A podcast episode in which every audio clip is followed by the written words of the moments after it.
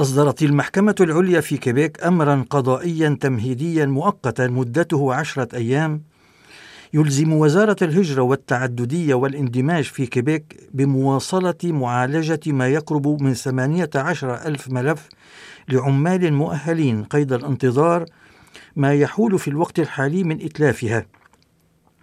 وبموجب هذا الموقف تكون جمعية المحامين والمحاميات في قانون الهجرة التي كانت وراء طلب الأمر القضائي بالتضامن مع سيون بارك وهي ممرضة من أصول كورية قد ربحت الشوط الأول في قضيتها ضد حكومة كيبيك. وكان القاضي فريدريك باشان قد ارتأى من جهته استنادا على حجج الجمعية بأن على المحكمة أن تتصرف بصورة عاجلة مشيرا إلى أن الحكم في المرحلة التمهيدية المؤقتة قد يمتد على مدة عدة أشهر. ويشرح القاضي باشان في مطالعة من 16 صفحة بأن إصدار أمر قضائي ضروري للحقول دون وقوع ضرر جدي أو غير قابل للإصلاح أثناء سريان الإجراءات. كما قرر القاضي أيضا بأن جمعية المحامين تتمتع بالشرعية القانونية للتدخل في هذا الملف. ومن جملة مطالعة القاضي باشان تعليق معالجة طلبات هجرة. ستكون له انعكاسات على المدى القصير خاصة بحرمان عدة مئات أو حتى عدة آلاف شخص من المرشحين للحصول على شهادة اختيار من كيبيك. من جهته رئيس الجمعية الكيبيكية للمحامين والمحاميات في اختصاص قانون الهجرة في كيبيك جيوم كليش ريفار يعرب في مقابلة مع راديو كندا عن ترحيبه بقرار القاضي باشا معتبرا أن القرار هو بمثابة خبر مفرح بشكل عام وخبر مفرح بشكل خاص بالنسبة للمجتمع الكيبيكي مضيفا بأن القاضي يعطي الحق للجمعية على طول الخط.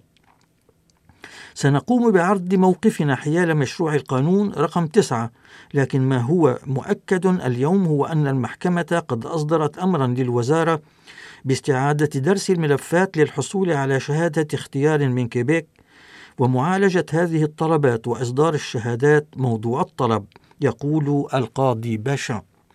وفي بيان نشر مساء أمس أعلن وزير الهجرة في كيبيك سيمون جولان باريت عن أخذ العلم والخبر بقرار المحكمة العليا مضيفا أن الحكومة ستحترم القرار. إن رغبة حكومة كيبيك بعصرنة نظام الهجرة عن طريق مشروع القانون تسعة تبقى كاملة حسب بيان وزير الهجرة سيمون جولان باريت.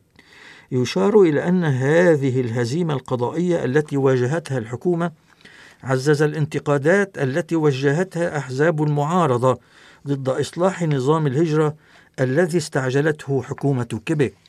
وتقول النائبة دومينيك أنجلاد الناطقة باسم المعارضة الليبرالية في الجمعية الوطنية برلمان كيبيك Je rappelle que c'est le même ministre qui, euh, lors de cette démarche judiciaire-là, l'avait qualifié de saugrenu et aujourd'hui, il se retrouve avec une, une, une, injonction qui est retenue contre le gouvernement. Je pense que le gouvernement doit faire la seule chose qui s'impose, c'est de traiter l'ensemble des dossiers euh, et, et, et, le faire le plus rapidement possible parce que c'est 50 000 personnes qui sont affectées par. بأن على الحكومة أن تفعل ما هو مفروض عليها عمله لا غير أي معالجة مجموع الملفات وبأسرع وقت ممكن لأن ما يقرب من خمسين ألف شخص يطاولهم هذا الأمر من جهته اعتبر النائب عن حزب التضامن الكيبيكي أندريس فونتيسيلا Victoire sur toute la ligne. La Cour reconnaît que le gouvernement était dans l'illégalité et ce depuis le début. Et le ministère n'a pas le droit d'arrêter de, de traiter les 18 000 dossiers.